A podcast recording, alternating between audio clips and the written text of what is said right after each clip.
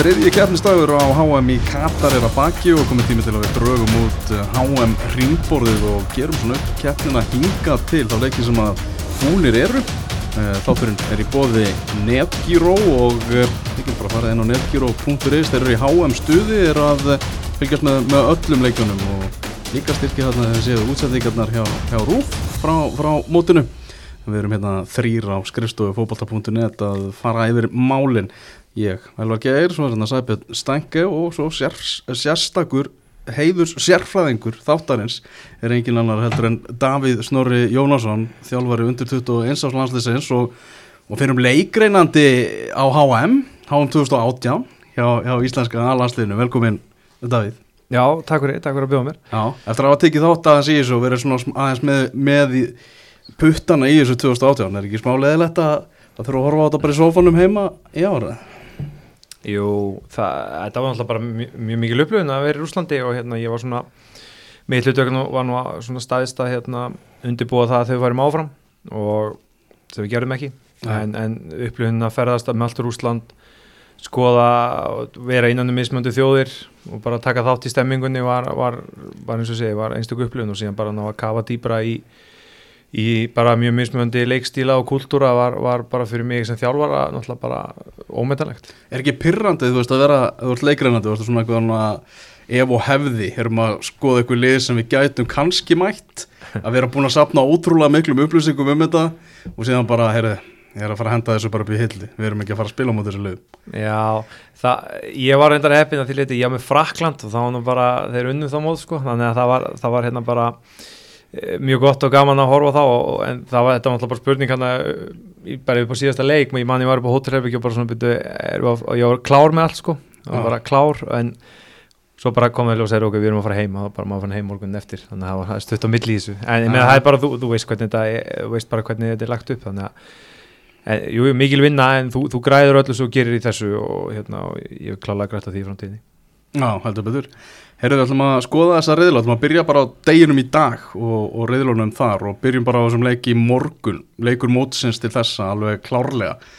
Eh, Argentina sáti Arabia, það var engin að búast því að, að það kemur eitthvað óvænt þarna, menn voru meira að pæli því hversu stór sigur Argentinu yrði, hversu mörg, mörg Lionel Messi væri að fara að skora og með að við byrjun leiksins, það sem að, ég menna í fyrirháleik skora Argentinu meðan fjórum sinnum, Mm -hmm. þrjú mörg mhm. dæmda af vegna rángstöðu og eitt vegna þess bara brotu millimetra hérna ermin aðeins, aðeins innfyrir en skora einamark fyrirháleiksins úr, úr vítaspinnu meða við þróun þessar fyrirháleiksæpið maður mm. bjóst við, að, við því að þetta er bara 5-0 eða eitthvað Já ég sá fyrir mér, ég hugsaði 3-0 jáleik ah.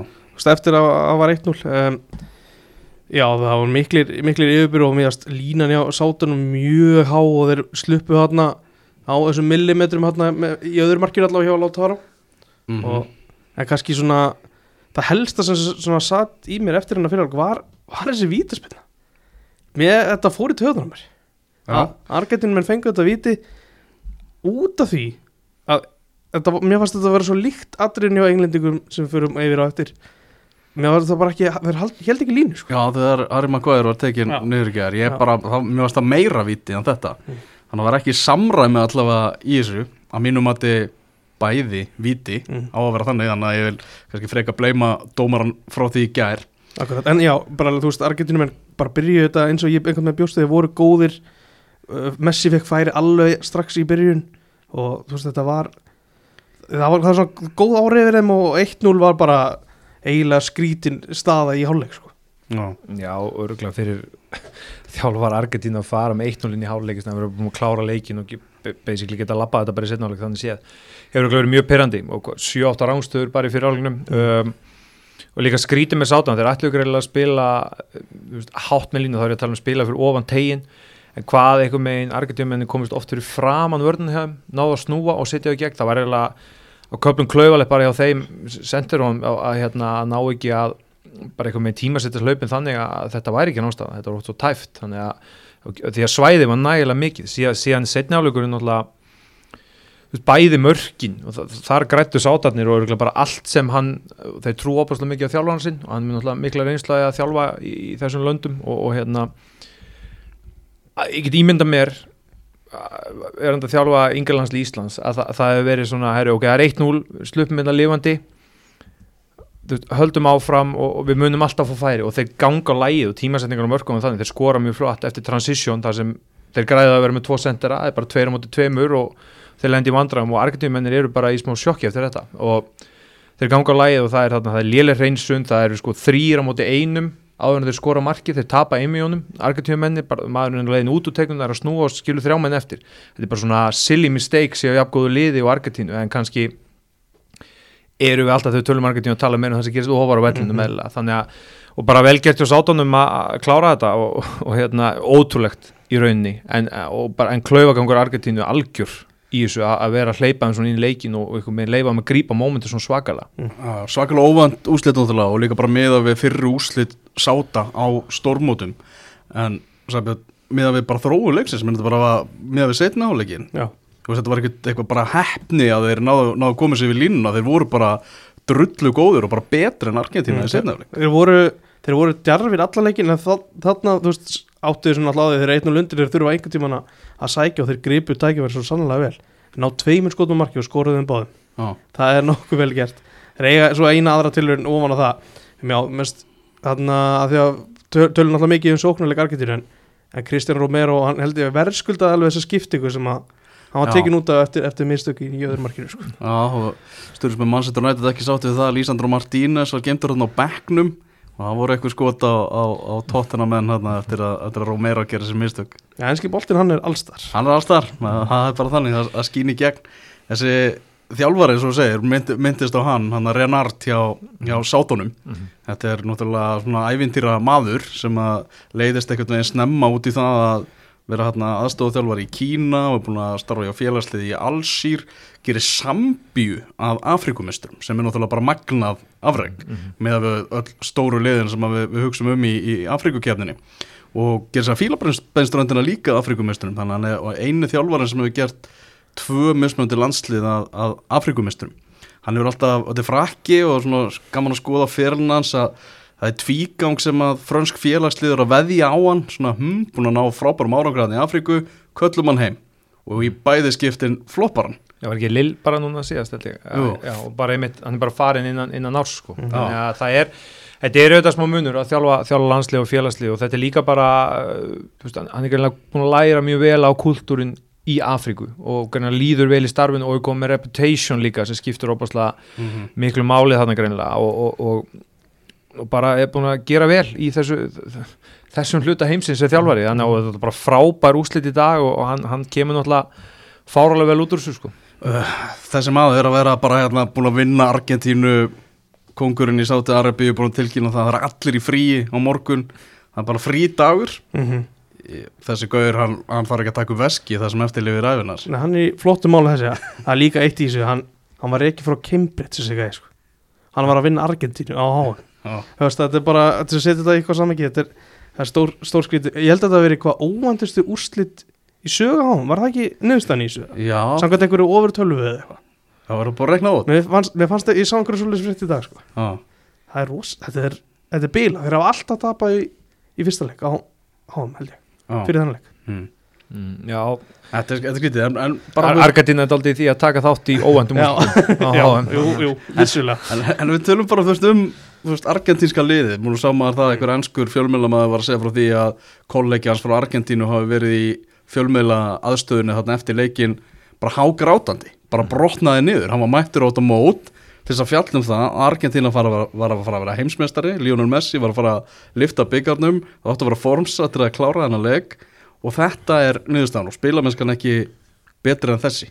Nei og, og alveg búið að vera svona aðeins verið að fylgjast með líka bara í kringu þjálfvarana það búið alveg hæp í kringum svona leikstíl Argentínu og hvernig þjálfvarin er að setja þetta upp og svo kemur þetta í dag og sko það var pressa Argentínu fyrir leikin í dag ég mitt bara, herru, nú er tækifærið að vinna þetta og Messi á að vinna þetta. Þetta getur rétt ímyndað eitthvað hvernig pressan er núna. Mm. og, og þannig að það var mjög fórhald þetta, þetta er klálega ekkit þetta er ekkit búið, þetta getur bara klála næstu tvo áfram með þetta en, en, en það verður forrættlega að fylgjast með næstu dögum í kringum argentíska landslið, hvernig þetta verður og umfjöldunum og, og bara fyrir næsta leik því að það átt engi að þessu. Það eru tablusir í 35 leikjum í röð? Já. og það er líka í þessu, þú komst inn að að rángstöður í fyrirháleikdaði þetta endar í tíu rángstöðum Tíu rán er það Já. taktist mistarverk eða er það bara sloppi sendingar og hlaup úr tímasendingar? Já, veist, mér fannst í dag svæðin voru svo mikið ég held að það veri sérstaklega í hérna, maður sé skora annar marki, þetta er þriðja Mm. marki sem er skorað þú, þú er svo mikið svæði til að bara hlaupa aðurlítu utar og fá hann, það er ekki skipt neinu máli þannig að mér fannst svona hversu mikið svona dauðafæri þetta voru bæði það svæði sem maðurins á boltan hafði pluss það að setja það í gegn þetta var svona, já, klauvalt að vera ekki búin að nýta þetta betur og, en þú veist, þetta er fegurum við fótboltan að hérna, það getur allt gerst, það er bara þannig Já, já. Ansel Di Maria, hvað er hann að fá í, á skalunum 1-10 í einhver fyrir þennan leik? hann fær tvo, hann var lengi inn á Já, fekk boltan oft, gaf hann örgla nokkur sinnum á samerja, mm. hann fær tvo og tíu hann var, mér varst það alveg ömulur og hann var glataður. og, veist, og þegar þeir voru svona að leita að mörgum þá voru sendingarnar of langar beint út af veist, þá fengur náður að taka útsparka aðeins að eh, svona tegja aðeins leikin, kvíla sig þetta var, takturinn fór svolítið úr því þegar Di Maria var að fá boltan sko. Mm Verkefni núna hefur bara þjálfara Argentínu, það er ímislegt sem þarf að laga en menn með ekki missa trúna að Mexiko og Póland gerðu markalust jafntefli í svona sama reyðli í, dag það er ennþá alveg bara hörku miklar líkur á því að þeir séu að fara upp úr þessu reyðli Já, allir leikinni sem marketing átt að fara í þessu reyðli eru alltaf favorites og eiga að klára þá ah. en það er engin breytingu því og, þeir verða fyrir mér, ég menn þeir eru bara lítið aldrei ég held þetta brjótið ekkert, þú veist þetta, jú, kannski brýtur þetta eitthvað niður en það er ennþá bara, eru við klára næstu tvo. Og, e- einu munurinn kannski sá að þeir geta ekki kannski slaka eitthvað svakal á í einhvern leiknum hann eða, eða rótera eða hvernig sem það er, þeir verða bara að gefa allt í. Og, og það verður kannski bara kannski er það bara holdt fyrir að, upp, upp á það að gera fyrir áframhaldið í keppinni mm, ég held að það er ennþá skemmtilegra að horfa á hún það er allt undir í báðun leikum Já, það verður ekkert slaka á sko. náttúrulega, Lionel Messi mikið í, í sviðsljósinu einhver að tala um það, fannst hann ekki vera svo væri bara ekki 100% heill í, í þessum leik mm. mér fannst bara ekki vera að tengja við hinna í kringu sig sko. Eins og þú veist tímasetningar á sendingum og hlaupum þetta var, þetta var svona ekki alveg þú veist, tíu rángstöður er bara ekki eðlilegt sko. það er bara það sem er mjög, þú veist, það stingur sig í augun sko. Mér var ekki umræða líka fyrir leika, hann væri, hann væri ekki alveg heill Já, og væri spurning hvort hann ætti, að- ætti að spila eða ekki þannig að já, hann er búin að skora, það, það léttir aðeins mm. já hann fór á, fór á vítapunktin og skoraði þetta mark engin Hannes í markinu á mótun. Nei, sem betur verð fyrir hann. Uh, Hinleikurinn í riðlunum, þessi markalösi leikur uh, Mexiko og Póllands. Náttúrulega sögulínan í því er að Robert Lewandowski fór á vítapunktin uh, klúðraði og varið frá honum, vel varið. Hann er ekki ennþá búin að skora á HM eins og hann skorar allstar, þá skorar hann ekki á HM mm. og það verðist vera svona smá draugur sem að kvílir yfir honum. En bara hvernig fannst þér Davíð pólska liðið í þessum leik? Þú getur litið á það, voru, voru mjög djúpir á vellunum, þeir, þeir hérna, voru og ég hugsa með mér, þeir, þeir komni bara til að segja jættiblóð, þetta er fyrsti leikur í svona túnneringum. Ja, túnneringum, þá er ég að tala um það svo spila þrjá leiki, þú, þú, þú, fyrsti leikur fyrsti leikur, hann- nánast getur drepið þig að þú þarft að fara, gefum okkur það að Póland þeir tapa í dag, með hvernig þeir eru að spila með leggja upp leikinu og hafa gert og hvernig þessi þjálfari leggur upp leikina að þá, það hefði verið ekki sérstaklega gott fyrir þá að þurfa að fara að opna sig í næstu tveimur leikjum og, og reyna að þurfa að skora og þurfa að vinna. Þannig að hérna og, og sækja, þannig að ég held að hann hafi hugsað bara þegar þeir fengu vítið geggjað, því að þetta er bara nákvæmlega sem að leggja, eh, veist, hefur verið að leggja upp með þessi þjálfari, hann þjálfaði 21 áslandslið uh, Pólans áður og og þar hérna spiluðu þeir yfir, ef það var spiluðu jafna anstæðinga eða anstæðinga voru aðeins betri að þá var bara alveg allur pakkin settu tilbaka beðið og, og reynd að ná jættiblu og hugsanlega þessu eina marki. Og það var ekkit ólíkt því sem var gert í dag. Mm, mér fannst þetta svona mér fannst þetta ekkit, ekkit frábær leikur þú veist, en, en pólverulega séð og svona, jú, jú, fínt að horfa menn í fæslum og, og annað en, en svona, þetta, mér fannst þetta ekki, ekki sérstætt Nei, ef þú ættir að velja annarkvort liðið áfram til að fylgjast með í úslátakjarninu Sæbjörn, hvað þú myndir, mm, Mm, taka? Mexiko út frá, leik, leikstilum í dag, já, Mexiko en, en kannski út af því að maður, veist, Þetta var ekki leiftur að þetta Nei. sóklabolti hjá, þeim pólsku nei, alls ekki þetta var, að Mexiko Mexikaninu voru bara betri allan leikin Já. Þú veist að það er svona ofan á í öllu og, uh, en þeir eru að fara þeir fá særða Argentinum enn í næsta leik mm. það hefur verið ríkald fyrir pólverðin nefnitt svo Davíð segir að þau tapaði í dag og átt Argentínu næsta leik Mm -hmm. þurfti einhvern veginn að breyta Aha. Já, og bara svona með pólverðin, ég horfði svona meira kannski með augun mín á þá, þú veist, hvernig hvað kantmenni spiluðu aftalega og er með sex manna línu og spiluðu þetta maður og mann út á kontónum ég fannst það svona já, mjög varfærdislegt en þeir taka stíð og, og það er allt opið sem móti fyrir á Mm. Mm. Ég hjú eftir að hann byrja með Sílenski frammi með Lewandowski og, og Míli kemur ekki inn á fyrir henni fyrir henni 807 þannig að hann var ekkert alltof ósattur með 0-0 stöðuna Já. alls ekki Þannig að ef þú ættir að bara ve veðja núna, Davíð, hvort er líklega að það verði Lionel Messi eða Cristiano Ronaldo sem að lifti heimsmeistara byggðum? ég, ég ætla bara ég, ég ekki bara að segja að þeir spynni frá ég, þú veist, mm.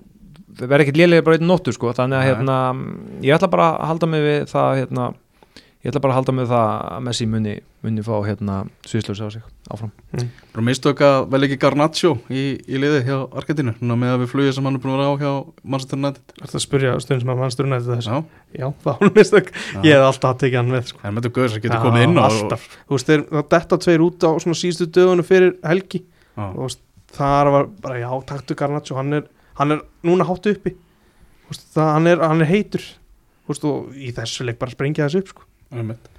Herru, förum í hinriðilinn í dag, dýriðilinn. Það sem að frakkar voru núna bara rétt á það, við vorum að klára að horfa á frakkar rúlla yfir Ástralíu 4-1. Ástralíu þetta komist yfir í, í leiknum, það var hérna mjög gott mark. Já, virkilega, virkilega gott mark. Setta hann boltan hann upp í þaknetið hann Gudvin uh, vinnur okkar sem að spila með hennu merkaliði Adelaide Góðvinnur okkar. Í, Já, ég er svona að hugsa fyrst þetta er, þetta einhver ungu strákur eða eitthvað? Nei, nei, hann er bara þrítur og bara búin að koma sér vel fyrir í, í heimalandinu. Og maður bara, heyrðu, hvað er að fara að fá annað sjokk hérna. Þá bara byrjaði franska vélina að matla og Davíð eins og þú sagðir, þú varst að leikreina frakkana þannig að þú þekkir franskan fótbolta ansi vel. Þeir síndu spari hlýðarnar hann á, á köplum, bara lungum köplum í þessum leik. Já, þetta franska landslið er, er ekki nóg með hann hafi gæði það verðist vera ró í kringu þá búið að vera, síðan Desjams kom nokkuð með ró í kringu þá og bara svona eru náttúrulega ríkjandi heimsmeistarar þannig að, og eru bara rock solid í bland við þessi gæði og þeir, ég hugsaði með mér lend undir, svo skorar þetta mark og það er svona setni, setni bolt eftir fast leikadri, típist Frakland bara sterkir í einföldu atriðunum uh, vinna boltan ofalega þegar ástæðanir og bara í hvert einasta skipti þeir eru rosaði transitiólið að þá refsaðir, því að gæðin eru náttúrulega ótrúlega upp á vellunum, þú veist hvort það er Grísmann Girú eða, eða Mbappe eða, eða hérna, Dembele í þessum leik og þá er, þá er þetta bara dögt sko. Og hérna en ástæðanir lögðu óbúslega mikið í ína leik og, en það er bara ofuröfli við að etja þarna því að leiðu allar að fara að færa þið framar og þeir eru alveg tilbúin að liggja hans tilbaka frakkarnir og býða, það er ekkert vesen fyrir þá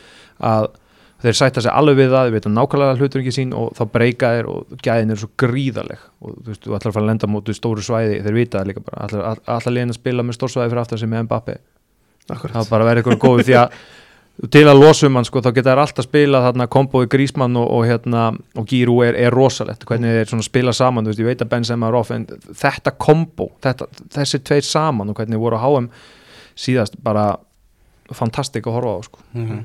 Þannig að Benzema með þarna rétt fyrir mót Oliver Giroud tekur það bara nýjuna skorar tvö mörg, jafnar marka með frakka, jafnar týr í hann rí og mun vandalega bara slá hann, á, slá hann út á, á þessu móti. Já, uh, Oliver Giroud, bara hvað getur við sagt um, um hann, annað marki hjá já, Nú hann hef ég séð, sá ég þó nokkra leiki með honum með Arsenal, fór, fór út á nokkra leiki. Hann skoraði alltaf þegar ég mætti á völlin og öll mörkinas voru nákvæmlega eins og annað markið hans í, í svo leik. Á fjárstönginu og klári tegnum Já, Það er sko með, með hérna, þetta debatt uh, Giroud og, og, og Benzema það er svo skrítið að segja þetta að ég held að liðið fungir betur með Giroud það er auðvelt eftir, þú veist, eftir að sé þá líka í dag bara þetta, funkar það en Benzema er fara vanlega besti leikmar í heimi en samt er liðið, þú veist, tikkar það betur ánars einhvern veginn. Mm. við, náttúrulega, við sáum hann ekki spila þennan leik Benzema, en linkupið á milli, milli hans og hérna allra líka, hann er klókur að finna Dembele á kantinum og, og Mbappe líka í laupunum, staðsetningar hans fyrsta marki kemur af því að þeir eru hrætti við Giroudin á tegnum og Tína Rabiot í laupinu fyrir aftan og hann skallar í netti sko. mm. Veist, þetta er, ógnin sem hann er er náttúrulega fáraleg og núna er hann, hvað, hann jafnaði meti á Henry, Henry og er að fara hann er að fara að bæta það Mm. á þessu móti Já, svo, svo verður aðeins, þau- fyrir lengri inn í keppnum það ok, það er að spila á Ástralíu, þau eru bara miklu betra lið en Mm. Ástralíu, en þegar þau fyrir lengri inn í keppnum þá, þá held ég munið sakna Benzema en, en Mm. þetta kombo er búið að vera mjög lengi í franska landsliðinu, gríðarlega stert og bara gríðarlega erfitt að eiga við það og bara góðir í þessu og svo verðum við nú að gefa hún líka rós inn á miðinni honum hérna, nú ætla ég að reyna að vera með þetta Tijumeni, Já, Chouameni Tjúameni Já.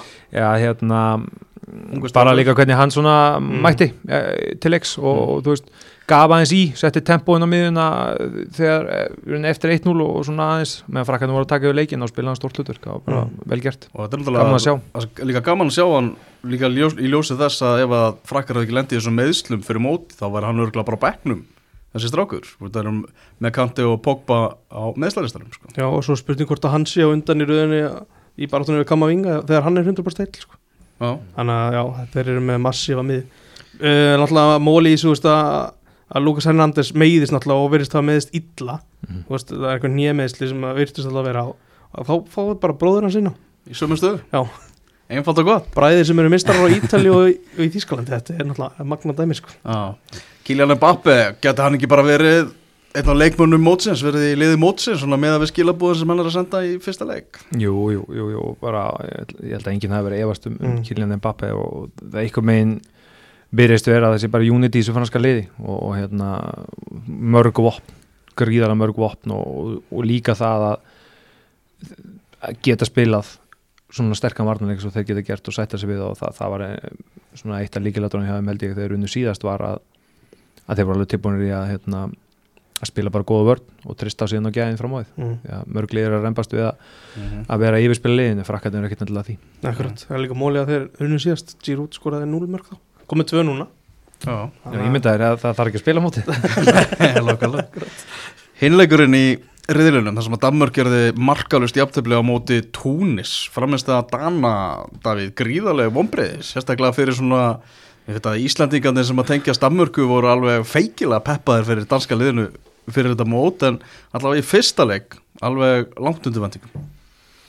Já, ég, ég, ég meit dansku fótbolti náttúrulega komin enn nærmanni uh, og maður er farin að fylgjast mjög mikið með og bara svo ég sem þjálfari er nú bara mjög svona að reyna að fylgjast með Kasper Júlma mjög, mjög, mjög skemmtilegu þjálfari og Mhm. hérna mér sagði hana skemmtileg og bara hvernig það er svona taktikli við erum stöður aldrei smart er hérna og ég finnst mér aðdánuvert og ég var aldrei spenntur að hérna aldrei spenntur að fylgjast með dönum en, en fyrsta lagi bara Rosa Túnis með að hérna hvernig þeir komið til leiks. Og ég held bara fyrstu þrjár fjóra mínúnar í svo leik hafi svona orðið svona smá sjokk fyrir Danna þegar hann tekur hann eða tæklingu og öskrar á stúkuna og allt svoleiðis og Dan er af aðeins svona herra ok, ok, hvað hérna þeir vissi alveg hvað voru frá úti en það er samt því út mættur að, þetta gerist. Og hvað ég, ég held ég að vera hvað voru á talum, 14 leikir á þessu ári á túnis og 10 sem haldir hreinu. Það er rosalegt.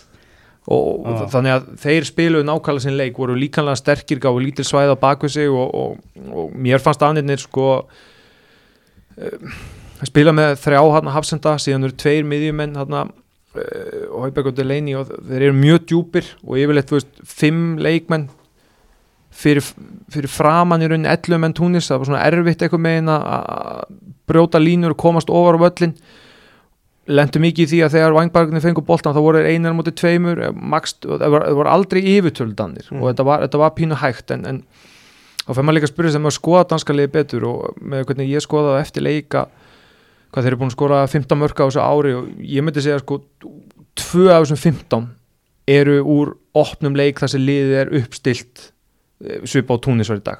Og þá í bæði skiptin Kristjan Eriksen mjög nála tegnum að skora mark eða, eða brjóta upp leikin þannig að og, og verist vera að possession, ma maður, á, ma maður hefur bara ímyndan döna með eitthvað með þeir séu svona að halda boltanum og svo leiðis en, en veist, það hafa nokkuð jafni leikir hjá þeim og, og þeim líður heldur ekkit verra og, og eins og svo sem Freysi myndist á í vittali við ykkur hérna a- ef þeir, ætla ekki að vera um boltan þá er það allt í lagi. Og, og- en í dag þurftu þeir virkilega að stýra leiknum og mér fannst það vanta kraft og svona aðeins að geta skipt boltan hraðar á milli svæða og, og þegar hann gerir þessa breytingu með að þeir eru konið þrýr miðjumenn hann inn að þá eru ennþá allir eitthvað megin sem ég myndi halda ætti að reyna að að bróta leikin upp ofar á vellunum eru allir komni niður fyrir fyrir hérna fyrir túnist og það er bara þægilegt því að vörninu og þeim gekk bara nákvæmlega upp. Við færiðum bara til hliðar og svo stígu við 2-3 skrif upp og 2-3 skrif tilbaka og þetta var raunni lítið challenge. En, en ég hugsa samt sko þegar maður er í svona leik að því að það, það, það er alveg sama þarna eins og hjá Pólund Mexiko við skulum ekki tapa þessu leik.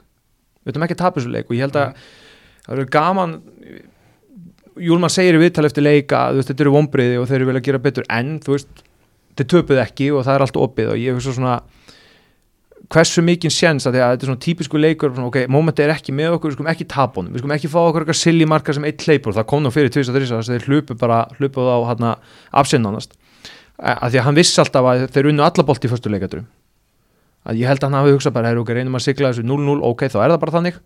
Töpum ekki leiknum en, en hann vissi alltaf að hann ætti, hann var alltaf að vinna fyrsta bolt í förstu leikaturum, fann alltaf döðafæri eftir fast leikatri ég held að það hefur svona móment en maður fyrir að eiga er að gamla meira eiga er að gamla meira, en veist, þetta er fyrstileikur þannig að ég, ég, ég get skilja alveg báða hliðar en svona ef maður fór að kafa mér í danna þá já, þá verðist það vera hérna, túnir spilaði sinnleik og, og Danir fundu, fundu lilla lausnir á, á mótið og Mhm. greinlega þurfa meira svæði. Já, þú vilt ekki þú vilt ekki eh, vera með núlstig eftir fyrsta leik og, og annarlýsi komið þrjústig veist, það er of mikil áhættæði þú veist, Jeff Ali emitt eins og David kom inn og hann fekk alveg tvo, tvo séns að einu sinni var hann dæmdur ánstöður og í hitskipt var hann held ég ekki flaggaður en, og, og smækkel varði hann eitthvað stórkostlega frá hann Já, þetta aukin áhættæði hefur verið vantilega bara bóðið upp á já, fleiri döða fyrir ámótis Já, að því að að, að, að því að mómenti var aldrei eitthvað með þegar nú er mómenti að snúast með Mm. þeim. Það var aldrei þannig sko, þannig að þetta var bara voru bara pínu styrðir allan leikin og ég held reynda þegar að Delaney fyrir út af mér að hann myndi aðeins breyta til og íta hann Eriksson verið aðeins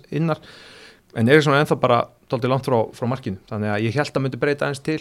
Ekki dósvipað við sáum til dæmis Declan Rice halda í Englandi og Bellingham fekk að fara ofar. En hann held þeim alveg tveimur hérna niðar. Þannig að en 0-0 er bara opinleikur og eins og segir, þú vilt ekki tapa leiknum og þurfa að fara að vinna frakland. Mm. Já, Moment leiksins er náttúrulega Andreas Cornelius sem kemur inn á sem varamar á 6050 mínútu og skallar í stöngina þarna nánast á marklínunni á 70. mínútu.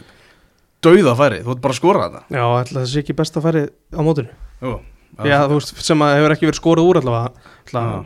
það er er einhver, búin að, einhver, einhver tapin búin að vera en þetta var alveg ótrúld færi og það sem hann naða sér í handabögin eðlilega bara eftir þetta sko. Já, þetta er svona færið sem að sá ég að greip fyrirsagnirnar í, í dönsku fjölmiðlum eftir, eftir leikin og rann sér svektir að, að þessi bólti fór ekki inn. En eru Danir að fara áfram úr þessu liði?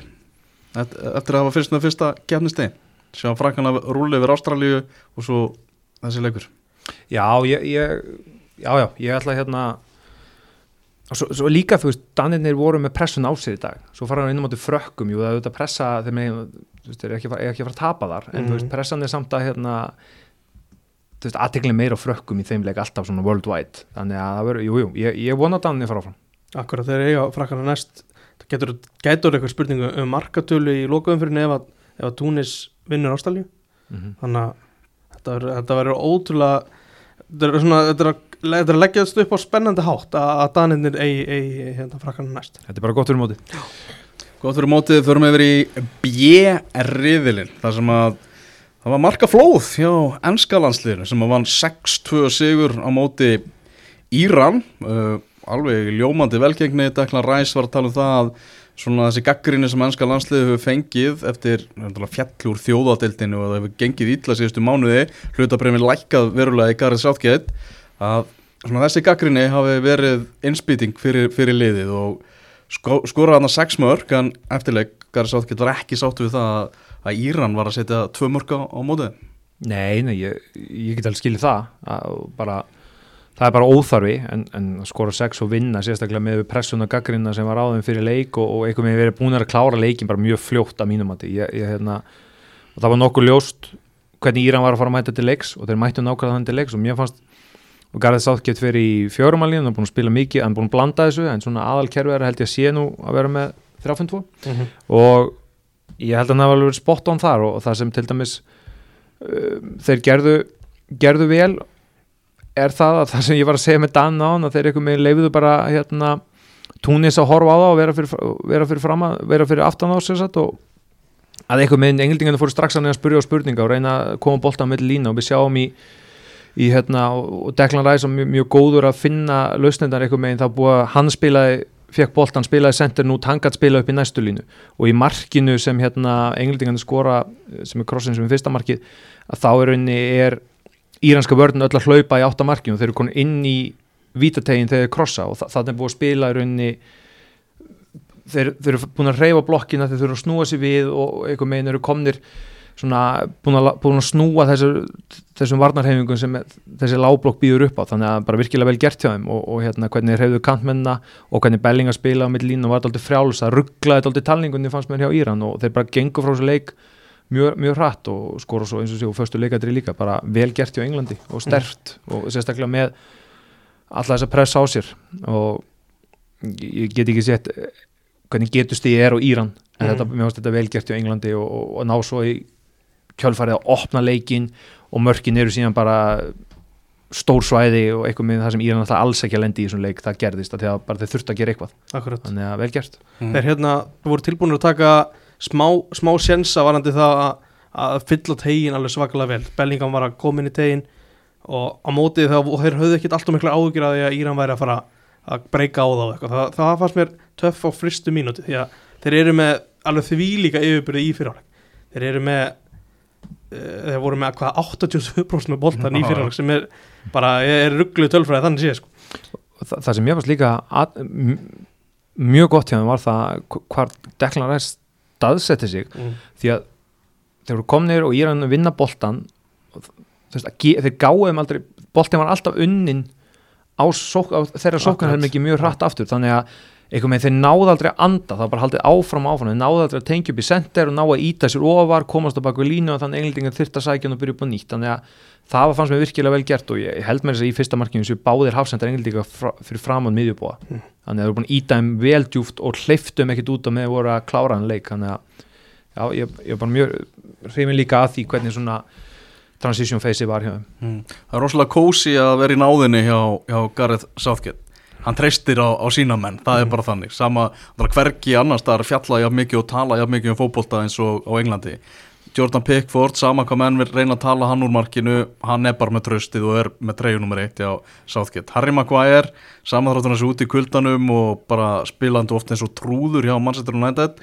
Frábæri sem leiki gær meðan hann, hann spilaði og svo Rahim Störling sem er búin að vera í gríðalegri lægð þjá sínu félagsliði, allir bara í byrjunarliðinu í fyrsta leika mm. á HM þetta eru bara hans menn, þetta eru bara Southgate menninir. Já, já, það eru hlutverk og þú hefur ekki endur tíma og hann er bara veðið þarna á herru, ég veit að þessi munu allavega skila með góður sjö og bara let's go, veit með Harry hvað hvað er veist, þetta verður tætt leikur, við þurfum að vinna boltan í fyrstu leikadrum, við þurfum að skalla í burtu, við þurfum að vinna í fyrstu leikadrum, það gekk þannig að, ég mitt leikmenn fótt tröstu þegar við vita þeir komið inn í þetta þannig að hvernig það verður þegar líður á keppina þurfum, þurfum að sjá það en, en bara, og hvernig svona umræðinu sáþkjöld er líka, var þetta svona daldi brokking til aðeim í aðdralanda mótsins?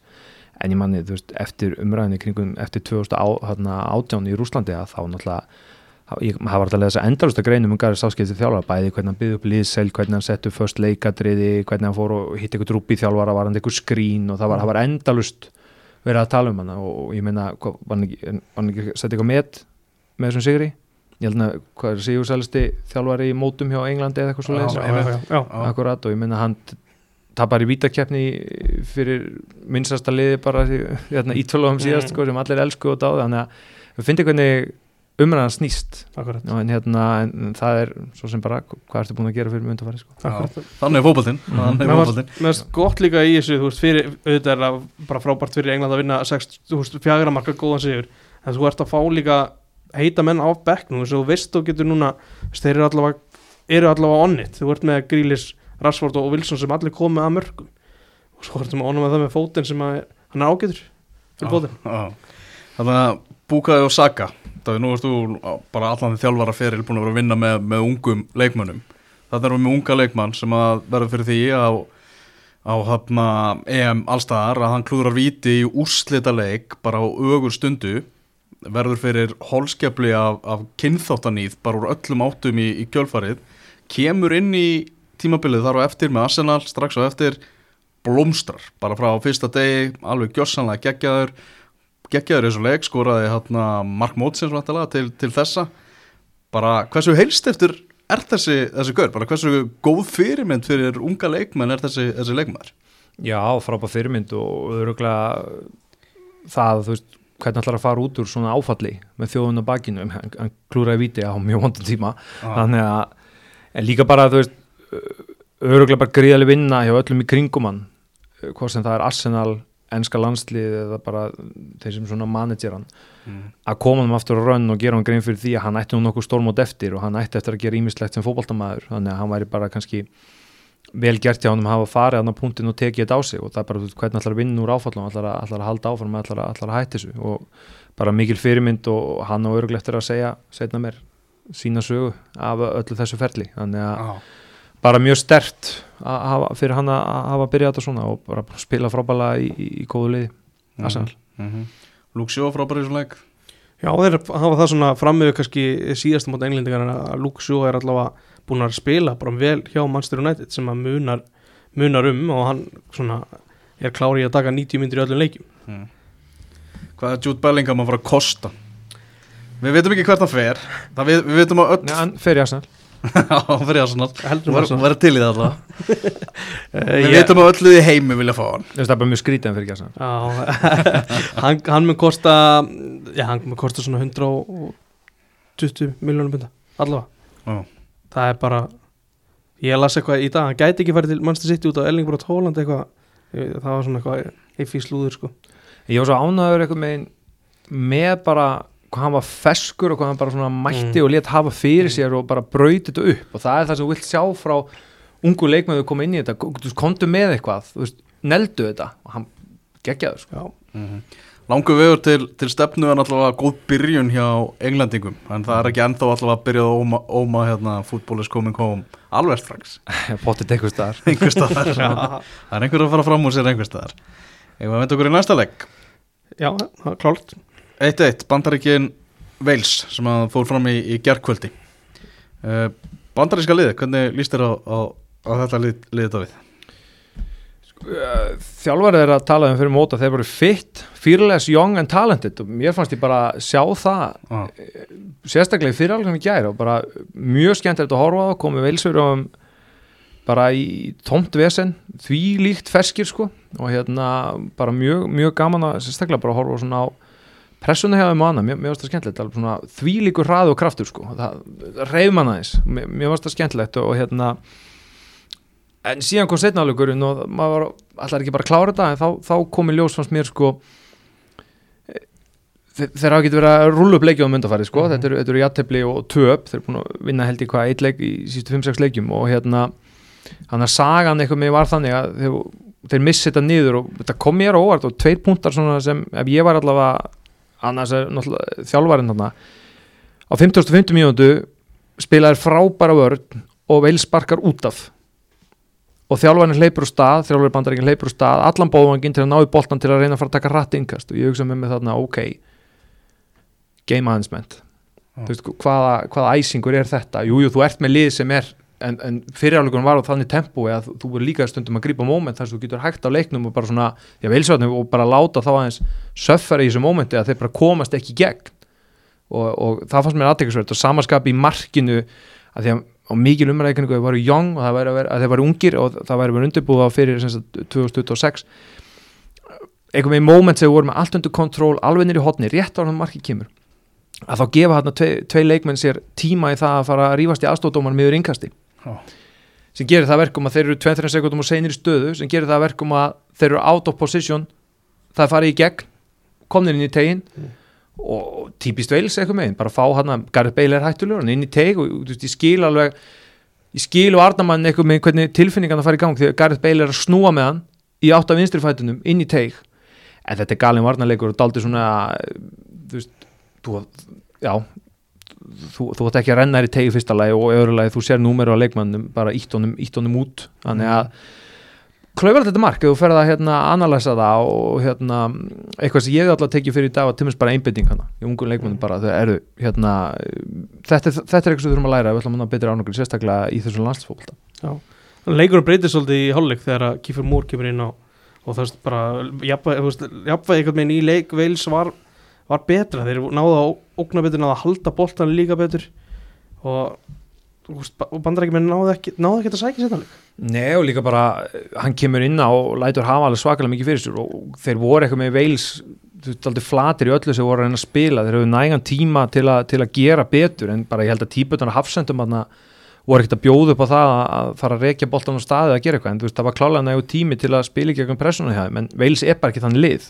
Þannig að en það, það fannst mér vera lausni fyrir það í gæri en þeir fara í gæri í setnáleika setja boltan herra og þar fara, fara þær að komast herra og halda pressuna á þeim. Þa, það var eiginlega líkilatrið það í gæri þannig að bara er ok, við erum ekki að að spila okkur í gegnum þetta þá lendum við því að í ykkur kapplöpi, við erum aldrei að fara að vinna það.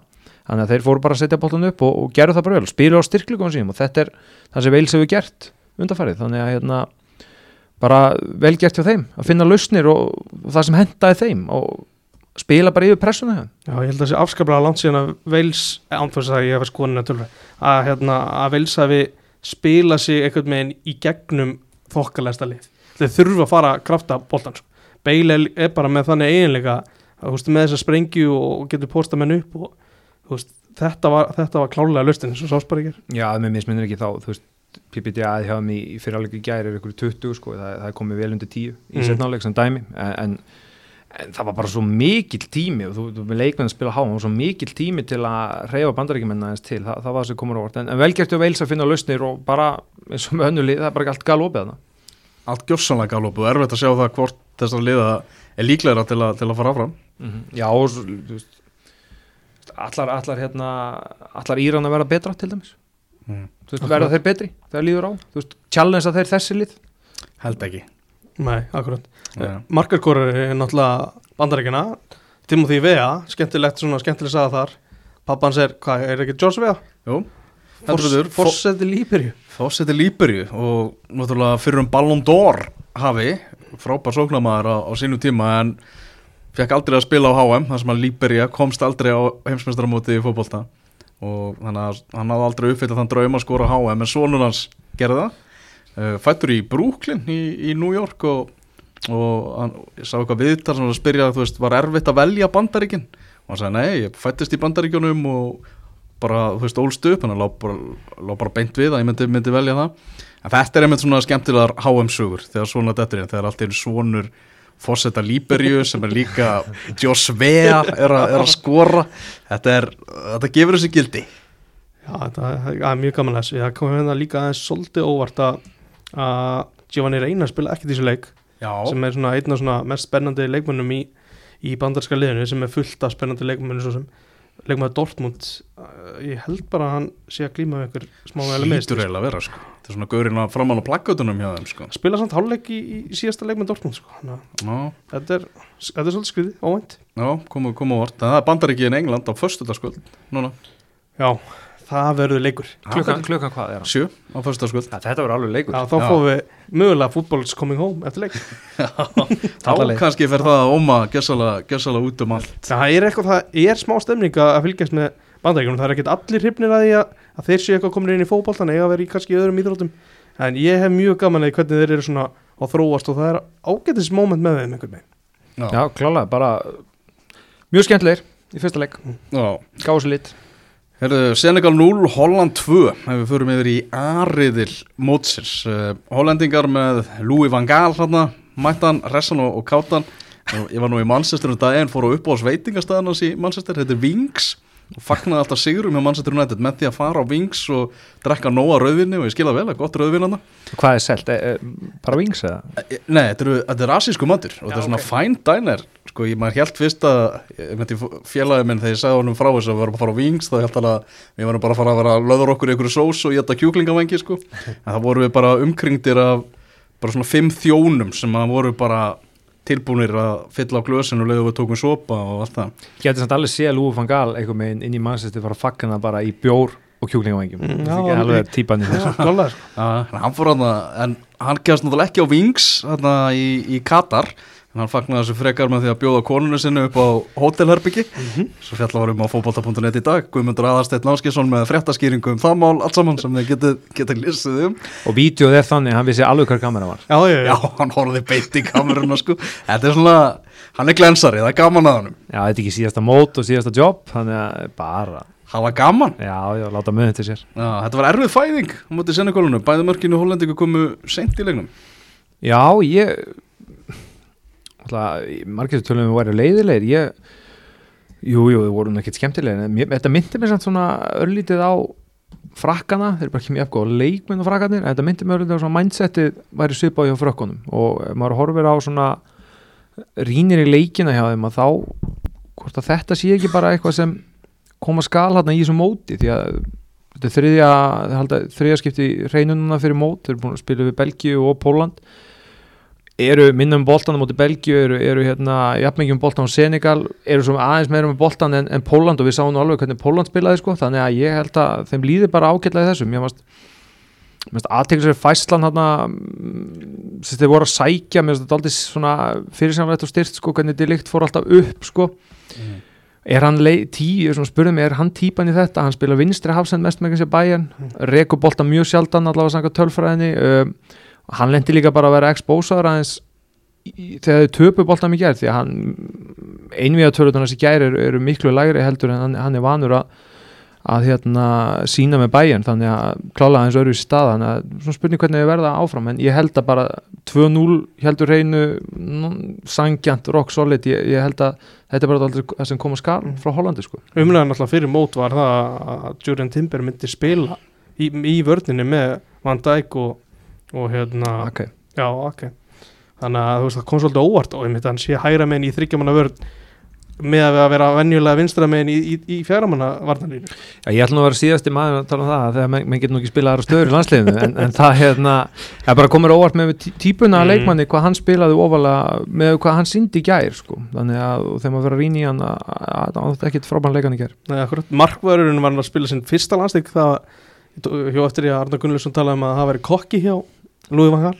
Hann er held ég alveg hrifin að því að vera svolítið kokkist Já, já, það kemur bara engum óvart og minna, að talaði mikið um þetta þetta væri bara mjög svona Lúi Van Gaal-legt mm.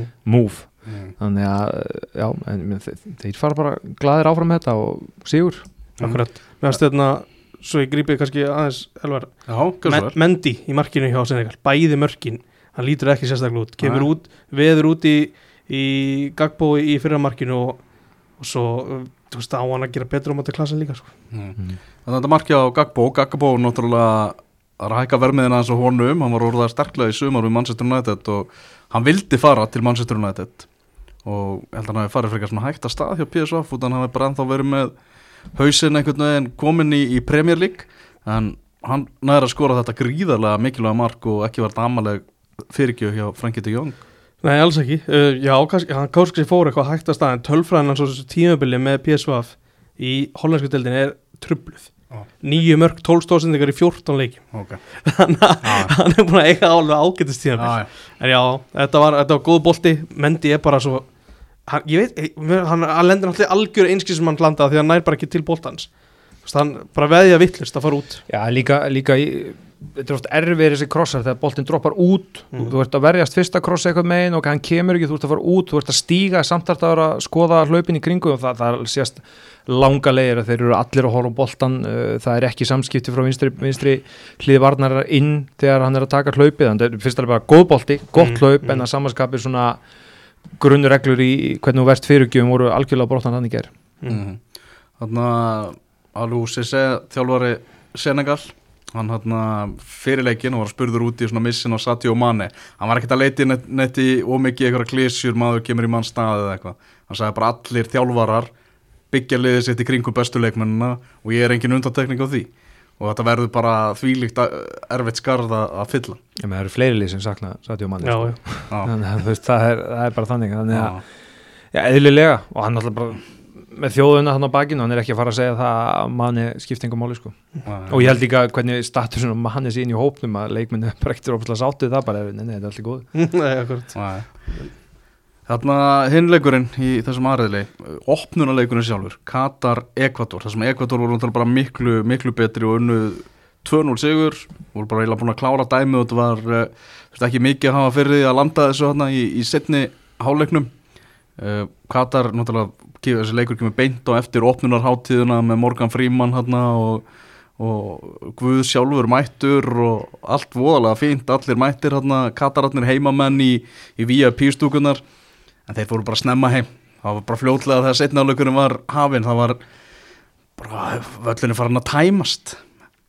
Ég, þetta var bara ekki gott og ég, ég held og mér fannst allir eins og Heimi Hallgrímsson kom inn á í undirbúningi leiksins hvað er búin mikil undirbúningu fyrir þennan leik? Bara frá þeir fengu háan til sín og hvað er búin að ráða fólki að inn til að byggja upp eitthvað prógram og annað. Svo kom bara frumsýning í gær. Sunnudaginn. já, já, já, sundaginn fyrir ekki kom frumsýning og ég held bara að að, hérna, Sansins þjálfari hann var bara í sjokki á hliðalínu að horfa á þetta. Því að þeir náttúrulega lendir í vandræðum hann er lendir undir, er búin að dæmt aðeins mark hann og hérna, eitthvað var það ekki? Og, og þú veist, ég held að hann hafi bara hugsað bara með sér heyrðu, hvað er að gerast hérna? Og því að ég vænti ekki að það hafi verið miklu miklu meiri heldur, en- þetta að spila við Egodor í fyrsta leiki og Egodor bara veist, sterkir og vita nákvæmlega hvað er alltaf að gera og veist, þarf að hafa fyrir þeim. En ég held að þeir hafi búist miklu miklu meira katar og, og hérna eh, þetta var ekki gott, þeir eiga alveg að geta að spila betur. En mér varst bara mjög mikið skrítnum momentum líka, skrítnum sendingum, skrítnum skotum og hérna ég vona allavega bara fyrir þá að þeir, þeir spili betur í næsta leik en þetta var alls ekki gott. Og ég, mér fannst svona aðtækksast að sjá þegar myndaðunni var á þjálfurunum bara hvað hann var svona bara heyrðu, hvað er að gerast þetta, Já. Hva, hvað er að gerast? En svo segir, öllu til tjaldahjáðum. Ég talaði um það held ég útastættum á lögadaginn að þeir breyttu reg, settu reglu í deildina hjá sér að þú máttir ekki vera með erlendan markmann. Þú þurftir að vera með heimamann vegna þess að þau þurftu að búa til markmann. Mark, uh, veist, þeir eru búin að breyta deildinni til að vera með almennilega markmann og markmaðurinn hefði var hörmulur í svona hann var bara alls ekki góður og komin í vandræði bara strax. Og þeir eru undir pressu þannig strax. Og mér finnst líka bara í taktikinni spilandi þú veist, 5-3-2 bara hvað var komist oft einhver með flatt á vörðuna hjá þeim beintur á vörðuna hjá þeim og bara skrýtnafæslur og mér fannst þetta svona já allavega skipul á annað hefði átt að, að líta betur út en ekki en ég heldur að það bara verið vankaði með byrjunna bara, heru, bara trúðu sig ekki. Að Já. þetta væri niðurstand eftir allt sem auðvitaðan gengi og allt umtalið nú eru loks mættir prove you wrong og þetta var bara ekki gott. Og þú segir, Heimir Allgrímsson talaði um að fyrirleik uh, þessar æfingabúðir þar sem þeir voru bara í 6-8 mánuði bara saman fyrir þetta mót voru að spila æfingaleiki, voru teknir úr félagslegum sínum, þess að þeir eru allir að spila í Katar, þannig að þeir fengu bara ekki að fara til sinna félagslega uh, svo erum við að tala um hana Ekvator sem að leikmennir er að spila bara keppnisleiki bara í, í deildinni. Er þetta ekki getur við lesið það bara einfallega í þetta það er betra undirbúið sem er því að vera í alvöru keppnisleikjum heldur en að vera í einhverjum æfingaleikjum og æfingabúðum ég þekki náttúrulega ekki alveg nákvæmlega eru við búin að vera saman upp á dag eru við búin að vera bara inn á hótel eitthvað í ykkur búblu eða hvernig sem það er sko. ég, Mm. þekki það náttúrulega ekki alveg en, en þú veist, ég get alveg ímynda mér að þú veist bara í æfingarleikjum í hvað er þetta, átta mánuðir Þetta eru átján æfingarleikar á þessu ári þetta er rosalega mikið og þú veist þessi, þessi svona kemistriða sem myndast í landsluðum hereldi ofta því að menn, það er langt síðan menn hittust og þetta er svona einhver svona samböld sem ná langt aftur ofta tíðum. Þannig að e, það moment allavega var klálega ekki með þeim. En við, við höfum svona dæmi með þetta kvenna með hvernig bandarinska kvennalandsleir, það eru nú meira og minna saman og það er vinn allt. En Já, það, það er kannski bara bara miklu betri leikmenn það sé líka bara málið sko. Þannig að Nei, allavega með frumsýninguna þá, þá er þetta ekki úrskriftin sem við erum að leita þótt að kannski landslýsála vilja ótt vera meira saman ég, er, ég veit ekki alveg með áttamáni það er, það er hansi mikið. Mhm. Þetta var aðeins betra með boltan þegar Akrim Afif var aðeins færiður niður. Hann svona virkaði eins og hann væri betri bara í djúpur og miði heldur en fremstur. Hann alltaf miklu meira gagn í hann með boltan Já, hann hann er náttúrulega skapandi strækjarinn hjá Já, þeim meðan svona Ali er, er slútarinn mm að þú veist þetta var samt bara þetta var aldrei gott á 90 myndum þetta var kannski aðeins skárra á einhverju tíðanbútum en aldrei bara, já ok, þeir gætu verið að fara að skora. Það var bara ekki svolítið moment. Ég held að vera mjög bara mikilvægt fyrir miðausturlönd hvernig Sáti Arabia var í dag sko. Ég, með svona Já, frumsýningan af liðunum í, í byrjun sem móts. Þannig að sjáum hvernig er komin í næsta leik en, en fyrsti leikur var já, þeim út af öll, allri sko, umræðinni og út af hérna, að því maður veit að það er búið að kaupa þvílíku sérfræðingana og hvernig aðstæðan og allt er hana þá kom þetta á óvart en, en leikmenn virtist bara ekki vera alls ekki nægilega góður Hvað getur við lesið í Ekvator? Er hann þeir eru, eru massífir um, þeir, þú talar um að halda hreinu Davíð án, sjöleikir í röð sem Já. halda hreinu. Það og það er svo sem ekki mikið skorað í leikjunum þeirra. Þeir eru ekkert mikið að skora heldur sjálfur en þeir eru bara búin að tapa einu leik í, í heilt ára þá veist, þeir eru að spila í undakefni háa sem eru, þú veist, leikir á móti Argentínu og Brasíli þeir gera jafntefli þar. Þeir eru betri heldur en fólk heldur. Mm. veist, og auðvita ertu rosalega góður í fótbolta ef þú ferð upp úr þessum Suður Amerikurriðli þetta er öflugur riðl frá fjögur lið sem fara beint áfram. Um, þeir voru bara þeir voru betur undirbúinir í eina leik. Mm -hmm. Moises Caicedo það er frábær leikmaður. Hann var bara virkilega góður og, og hefur spilað vel með, með hérna Breitón en það var samt miðjumæri með honum sem að heitlaði mig eða meira sko. Hann var hérna, er ekki Mendes Jú, Jackson Mendes. Hann var frábær, ah. hann var að vinna bóltan bara hægri vinstri og ég get alveg séð hann hérna taka skrefa á félagslega ferðlunum, hann er leikmaður LAFC í bandarækjunum svo sem fýtstaðar að vera, er þeir ekki MLS-mistrar? Jó, nokkulega, held að það sé alveg þokkalegt. Það er hann með Gareth Bale að leika sér. Akkurat. Já, það verður áhugavert að sjá framaldið en ég menna Katarar líka bara sjokk þeir eru leik bara í þessu riðli. Já, maður sér ekki annað. Maður sér ekki annað, þeir eru Holland og, og, og Senegal eftir. Fyrsti leikur búin, ég menna eru Katararnir að fara, þú veist, þeir fóru í háluleik í, í þessu leik, eru að fara að nenn að mæta á leik þrjú þegar að Þeir verður bara sagt að mæta. Já, svo er það, já. Já, það er bara að senda einhverju staðin, staðin fyrir sig eða eitthvað, sko. Það fýnt allavega þeir eiga Senegal í næsta leik. Þeir eru, þú veist, þeir eru horfa í það kannski smá vonaglæta en þó Það er ekki Holland sem er, veist, getur verið mjög erfitt, sko. Þínum er maður til leiks á morgun í erðili það er Tískaland, Japan og, og spátt Costa Rica. Uh, Efriðil, hann hefst líka morgun þar sem það er Marok og Kroatia það er morgunleikurinn og svo Belgia, Kanada sem er á um kvöldið. Og uh, svo er að gera þetta á förstu dag Sviss, Kamerún og Brasilia, Serbia uh, nei á fymtudag mm -hmm. Og Uruguay, Söður Kóri og Portugal, Ghana í háriðili Dagurinn á morgun bara nokkuð spennandi, Kroatia Japan, Þískland Spát, Belgia, öll að mæti leiks og svo Kanada með svona öðruvísi sögu. Þannig að það verður aðtækst að halda áfram að horfa á þetta morgun. Já, Kanadamenni var ungir og feskir eins og bandaríkjamennir Já, með, með það sem ég skoðaði í dag þá að þeir eru mjög ungir og feskir og svona aðtækst að saga líka hjá þjálfvaranum að yfirgafa England mjög ungur að því að hann átti að segja því að hann myndi aldrei ná að þjálfa ykkur level í Englandi þannig að hann fór bara til hérna og fór elendis og hann var að þjálfa kvennalið hérna Kanada. Gerði bjóti frábært konsept þar og, og lifti því upp á næsta stall og þeir ákveð bara að veðja það að taka konseptið við kalla minn og ja, það verður aðtækast að sjá hvernig þeir dílaði Belgíu á morgun, hvernig þeir komið til leiks. Mm. og svona vera eitthvað með Pantaríkinn og Kanada bæði ykkur ferðlega en undirbúið sér fyrir næsta heimsbyrstaramót mm. bara skemmtilegu dag framdáða morgun John Herdman heitir þessi ákveði maður og lærði í Newcastle. Já, akkurat. Það þjálfaði í Akademíu Söndiland Já, það var, það var þar í, í góðum höndum. Já, það, það er áttað sem því að þetta er ekki breyk þetta komur svo landi.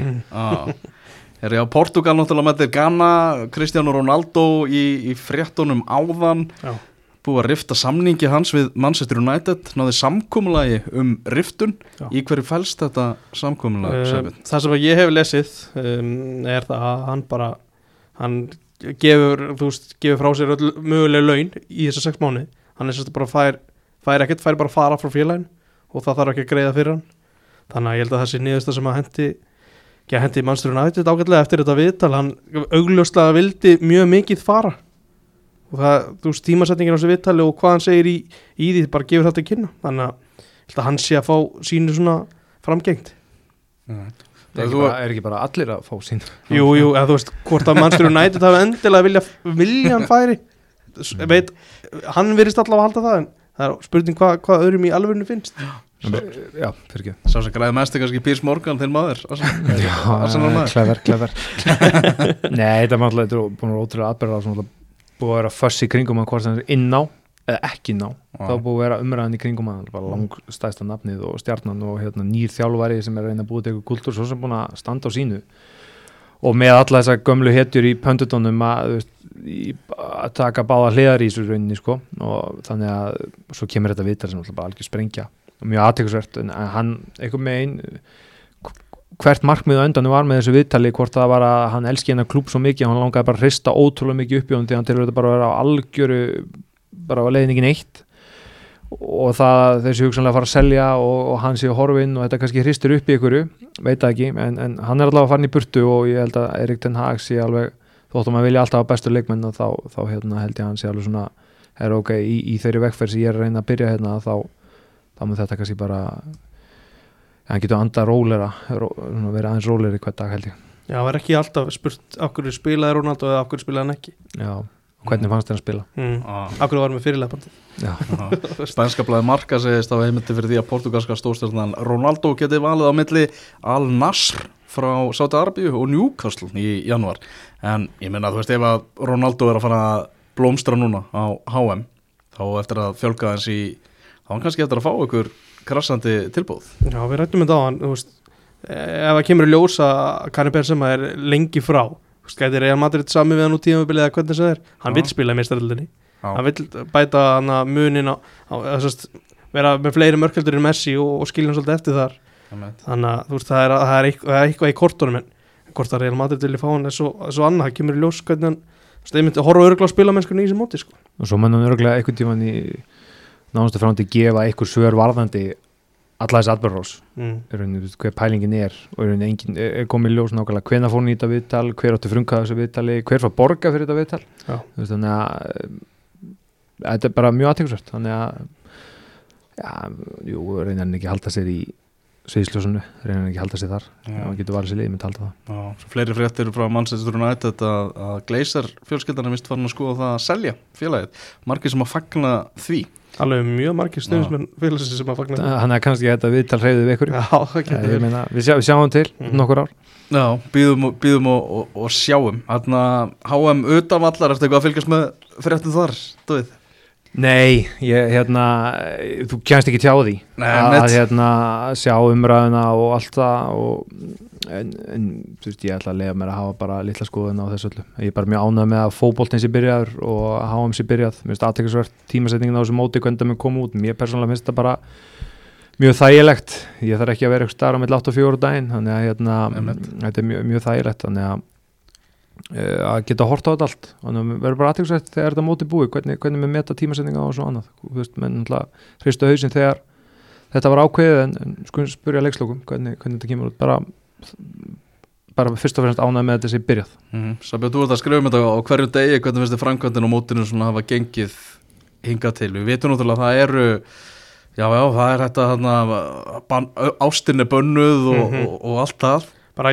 byrja kannski á jákvað eh, mjög ánæður að, að það er verið að horfa svolítið í að, að vera með ríflegan uppbóðtíma fyrir þegar það er augljóst að leikur, leikurinn er bara stopp. Það er bara að vera að tefja. Við höfum aldrei séð bara svona marga leikja sem eru 6, 7, 8, 9 Þetta mínútur ánægða uppbóðtíma. með það? Já, ég vil, hafa, vil að það sé leikur í, í 90 mínútur.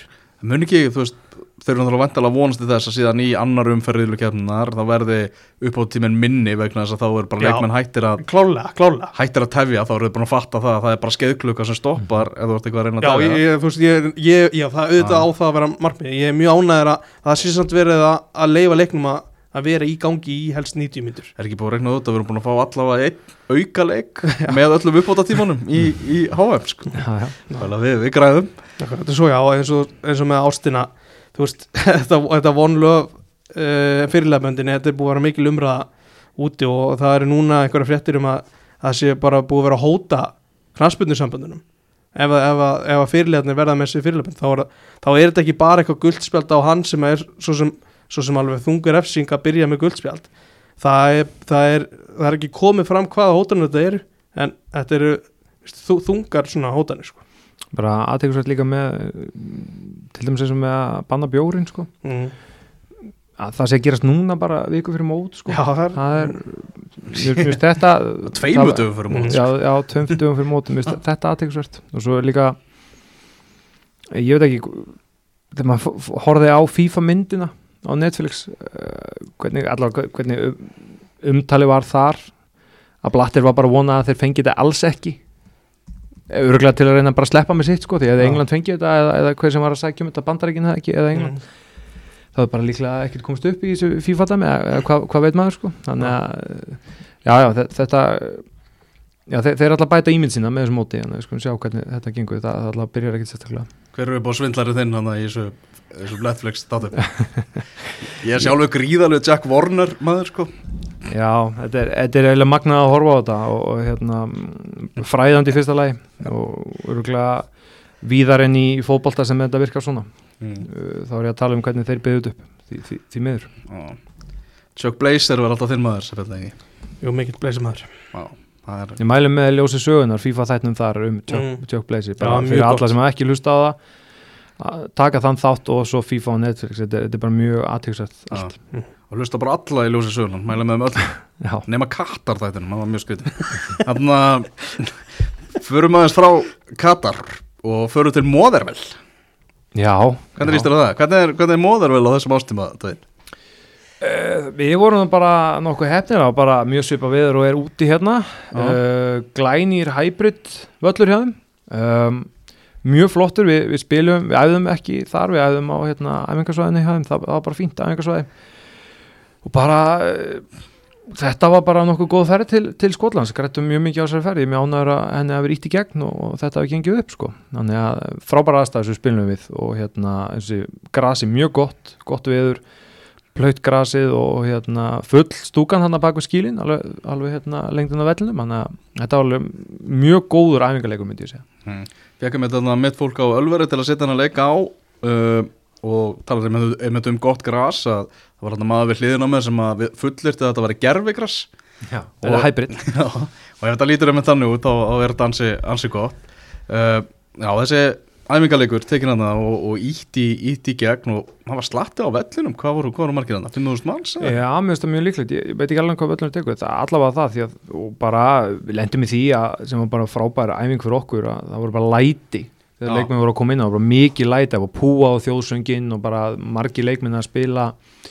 Fyrsta hérna 21. landslingi sinn og, og margir að spila bara ekki spila fyrir jafn mikið af fólki, fyrir mikið af fólki. Þannig að það var, var mikil, svona, þetta var gott umhver að fara í og bara góð umgjörðu skotaðum í kringum að leik og ég, ég persónulega mjög ánæður og maður var sjálfur bara svona umhverju tók maður með og það, það var á þessum, það var lítill æfingarleikja bragur hérna allavega í kringum öllin ég veit ekki hvernig það var í sjónvarpindu en það var ekki þannig Það er náttúrulega að veist að koma upp nýra árgangur, árgangaskipti hjá, hjá liðinu. Og er ekki mikilvægt fyrir þig að fá svona leik þegar maður ert að fá nýja menn sem er að fara að fara í ábyrða hlutverk Jú, jú, það, það er, er alltaf baráttu mál bara, og við erum svo sem okkur í því en, en það er baráttu mál í yngrilandslegunum að fjölga leikjum því að liðin í kringum okkur og, þú veist, spurning við hvernig átt að bera það saman og við reynum að bera okkur saman allavega hvernig ég vinn í 21 liðinu, við reynum að bera okkur saman við þessi lið sem er að taka fyrsta setni í þessu riðlum, hvað eru að spila marga leikju og við erum eftir á FIFA skýsla sem við tókum þátt í sýnir það að Ísland er á eftir á í að spila leikja það er bara hver einasti æfingarleikur og hver einasti gluggi sem við nýtum umfram það sem við erum vanir að gera er bara framför og þetta er hluta því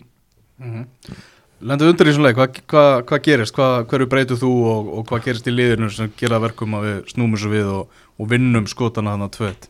Já, við, við hérna við ákvæðum fyrir leikin svo það sé sagt að við vorum búin að ákvæða fyrir leikin, við ætlum að spila fjóra það þrjá í fyrirháleik, við ætlum að spila þrjá fyrir tvo í setnáleik, það bara mér langaði að sjá típunar af leikmönnum inn í landslýsingurinu samt í sínum svona bestu stöðum og með því að skiptum leikjur í gati svona sé leikmennina betur. Um, við vorum aðeins að prófa nýja fæslur í varnarleiknum í fyrráleik um, gátum gert aðeins betur í því með að vinna nú ofar fannst mér, þegar við vorum íta okkur daldið neðalega mér fannst við vinna okkur vel inn í leikin sérstaklega með boltan bara mjög fljótlega í svona leik, við var ánægð með liðið það sem við reyndum að leggja upp með bara kom mjög hratt inn í liðið og sérstaklega bara já bara sáttur með hvernig við færðum boltan og, og spiluðum og svona hægt og róla í, í, í fyrirálöknum náðum að búa okkur til færi og svona hálsjansa og, og möguleika og vinnum hann hátt hann og fáum döða færi svo setjanlega voru bara fannst mér rock solid. Við náðum að byrja þetta mjög stert og, og bara síðan fæsluna góða varnarlega spiritið mjög gott og mér fannst þér aðeins í fyriráleik ít okkur til og frá.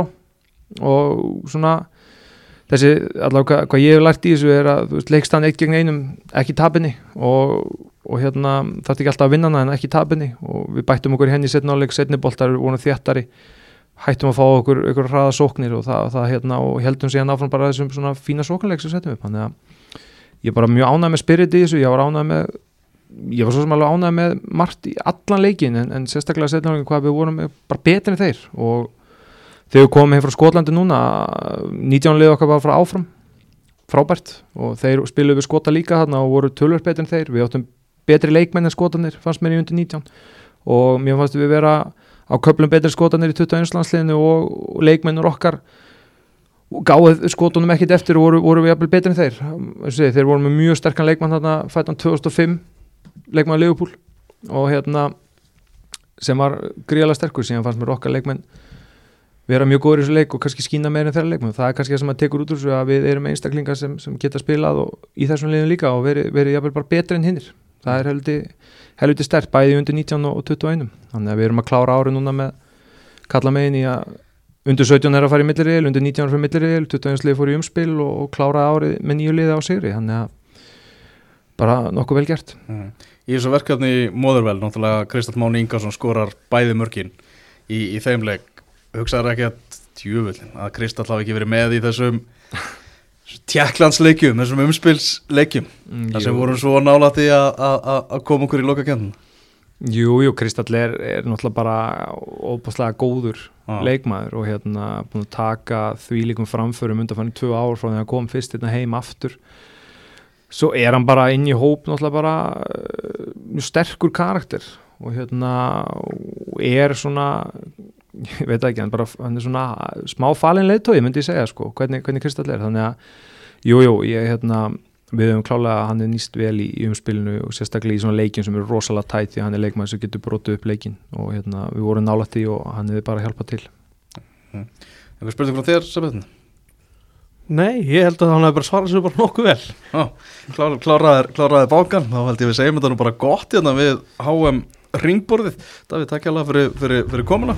Takkum hlustöndum fyrir og uh, við hendum í, í ringborð. Strax aftur við, við tækifæri útvast aftur á, á laugadagin það eru kannski í aðeins öðru formi náttúrulega því síðar. Takk fyrir að hlusta